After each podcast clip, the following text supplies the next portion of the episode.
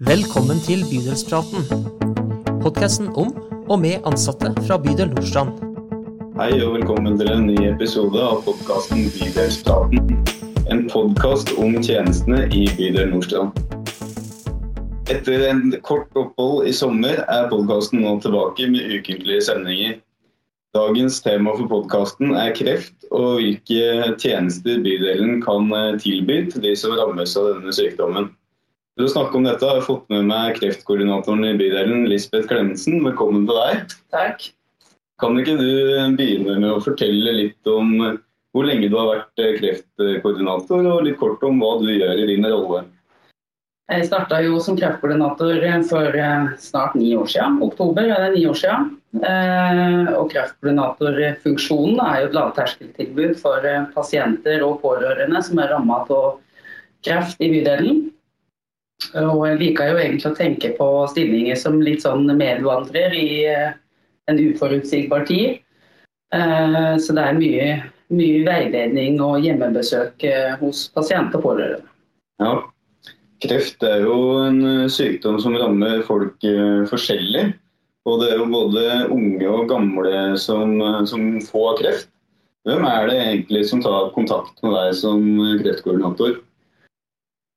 I stor grad de pasientene som tar kontakt sjøl, er jo de som er mellom 30 og, 30 og 70.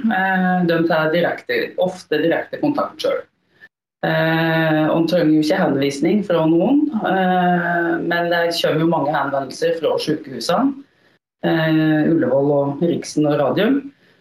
En del fra fastleger. Noe fra de andre øvrige bydelstjenestene som hjemmesykepleie og fysioterapeut og sånn. Mm. Så da noen har eh, fått den triste beskjeden da, om at de, de har denne, denne sykdommen, hva, hva, hvordan kan det første møte med deg eksempel, se ut? Det er da avtaler også et hjemmebesøk. For jeg syns det er viktig å komme på hjemmebane for å kunne planlegge litt framover i tid. Se hvordan pasienter og pårørende bor. Litt ut ifra hvilken diagnose og perspektiv de har framover. Det er jo i stor grad de pasientene som lever med kronisk alvorlig sykdom som de ikke kommer til å bli friske av, som kommer til meg. Og da tenker jeg det er viktig å se, få kartlagt hvilke ressurser det er både i bolig og i nettverk og på en måte i familien. og hva, hvordan kan gå inn og styrke egenmestringen da, for å kunne stå i det uforutsigbare så godt en kan lengst mulig. Og være sjølgjort og, og, føle at en liksom fortsatt er sjef i eget liv. Mm. Eh, da du er koordinator, da, da, på en måte ligger jo litt i ordet at du skal liksom eh, kanskje holde litt i trådene med samhandling med ulike instanser. Man trenger jo kanskje hjelp fra flere hold i et sånn, sånn sykdomsforløp. Hvem er det du på en måte samarbeider med? Nei, disse Pasientene her, de står jo ofte med en fot i veldig mange leirer. De har jo ofte en, en behandlende kreftlege og tilhører avdeling der. Og så på et eller annet tidspunkt så er det jo veldig mange som også får kontakt med lindrende avdeling. Så da får de en fot der, inne i, inne i sykehuset. Når de er hjemme, så er det jo fastlegen som har det medisinske ansvaret. Så det er jo naturlig å samhandle med dem når pasienten er hjemme. Men det blir på en måte litt sånn der, trekant mellom, mellom meg og fastlegen og, og sykehuset. At det på en måte er et, ja, en evig runddans. da. At noen gjør egentlig bare sørge for at de som skal gjøre det, de gjør det. For målet er jo at pasienten skal ha mest mulig hjemmetid. Og at det òg skal være et realistisk mål om at de som ønsker å avslutte hjemme, får lov til å gjøre det. Og så er det klart at litt ut i forløpene, når det er behov for mer tjenester og sånn, så er det jo naturlig å trekke inn hjemmesykepleie, fysio, ergo, tilrettelegging til bolig. Så det er på en måte den biten av det. Og så har du jo en del eh, samhandling med Nav ut mot eh, varige trygdeytelser. Og eh, disse sykmeldingsrettighetene er jo avslutta etter 52 uker, og da er det jo over på arbeidsavklaringspenger. og for de pasientene som ikke har noen mulighet til å komme tilbake i jobb, så er det jo viktig å få landa ei varig uføretrygd. Så det er ikke eh, noe som på en måte skal ta opp tid og bekymringer deres. Mm. Hjelper du til med, med, søknader og sånn da, eller er du mer et sånt uh, rådgivende organ, på en måte? Nei, Det hjelper til med søknaden, og jeg er med dem på Nav-møter. Og på en måte prøve å få dem igjennom så fort som mulig. For dette med økonomi er jo en kjempestor bekymring for dem. Eh, og spesielt dem som er eh, yngre familier, da. For de har jo kjøpt seg bolig og har eh, noen unger, og de på en måte har skaffa seg utgifter ut fra den økonomien de hadde som friske. Mm. Og det er klart at det er det er stor innvirkning eh, når du går fra en, god lønn da, og ned på, ned på arbeidsavklaringspenger. Eh, så det er viktig at de, de kommer seg inn i det som iallfall økonomisk er best for dem. Eh, for det er, ofte så er jo dette der bare over en veldig stutt tid uansett. Ja, det, da har du en mer sånn aktiv rolle. altså. Det er ikke noe tvil om at det med, med økonomi kanskje er en, eh, en, av de største tilleggsbekymringene da, når man får en, en, sånn beskjed.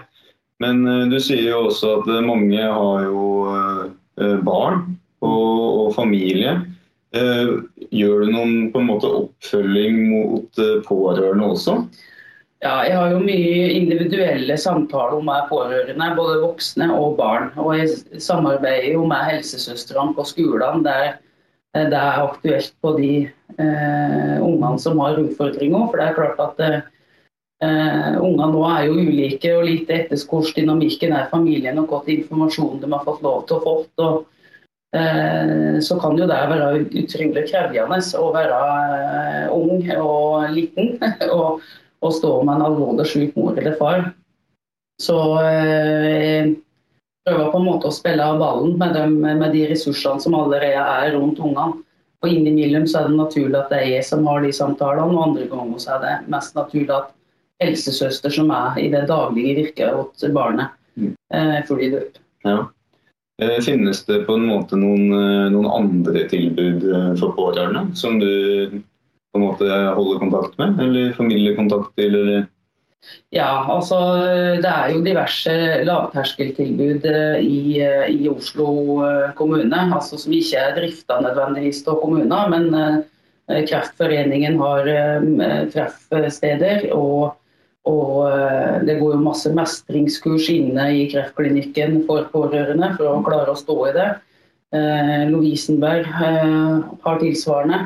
Så jeg på en måte prøver jo å anbefale og styre dem som har behov inn i tilbud som er tilrettelagt for dem. da, ja. Både barn og, og voksne. Mm. Eh, og er det på en måte tilbudet er det åpent også etter at eh, familiemedlemmene som er sykt har falt da, eller? En del av dem er det. Eh, og det er jo, uh, så er jo heldige i Oslo med Fransiskuskjøpet, som har et kjempestort uh, sorgtilbud. Der de setter sammen deltakere i sorggruppen som på en måte er ganske sammenlignbare. Eh, og det er både for yngre og, og voksne pårørende. Så er, du kan få på en måte etter oppfølginga. Ja, for det er jo ingen tvil om at det, kanskje er en eh, vel så stor belastning for de pårørende da etter dødsfall har skjedd. Da. Det er jo en veldig spesiell situasjon som man kanskje ikke så ofte kommer borti i livet. Da. At det er en en stor påkjenning. Det er jo liksom ikke noen, noen tvil om, om, akkurat eh, det. da. Men uh, hvis det er noen uh, som får kreft, en kreftdiagnose som kanskje ikke er dødelig, da. Så sa du at ja, det er kanskje de mest med kronisk kreft og, og de mest alvorligste sykdomsforløpene som tar, tar kontakt med deg. Men, men, å få en sånn beskjed det er jo uten tvil alvorlig uansett. Og eh, hva slags tilbud finnes egentlig for de som også har gode prognoser? da? For de trenger jo kanskje også noen å snakke med. Kan de ta kontakt med deg, eller? Ja. Jeg har jo, jeg har jo noen av dem òg. Eh, det er ikke veldig mange til enhver tid som på en måte ligger et, eh, et kurativt forløp. Men, men eh, jeg har jo hjemmebesøk og samtaler og veiledning på dem òg. Eh, og prøve å på en måte sluse dem, sluse dem inn i både lokale og nasjonale tilbud som er hensiktsmessig for dem, da, for å klare å stå i, i den perioden. For det er klart at uh, sjøl når du er ferdig behandla, så er ikke psyka er ikke ferdig med det. Du, det er mange som blir stående i det og har uh, på en måte utvikla uh, uhensiktsmessige mestringsstrategier. Da. Ja.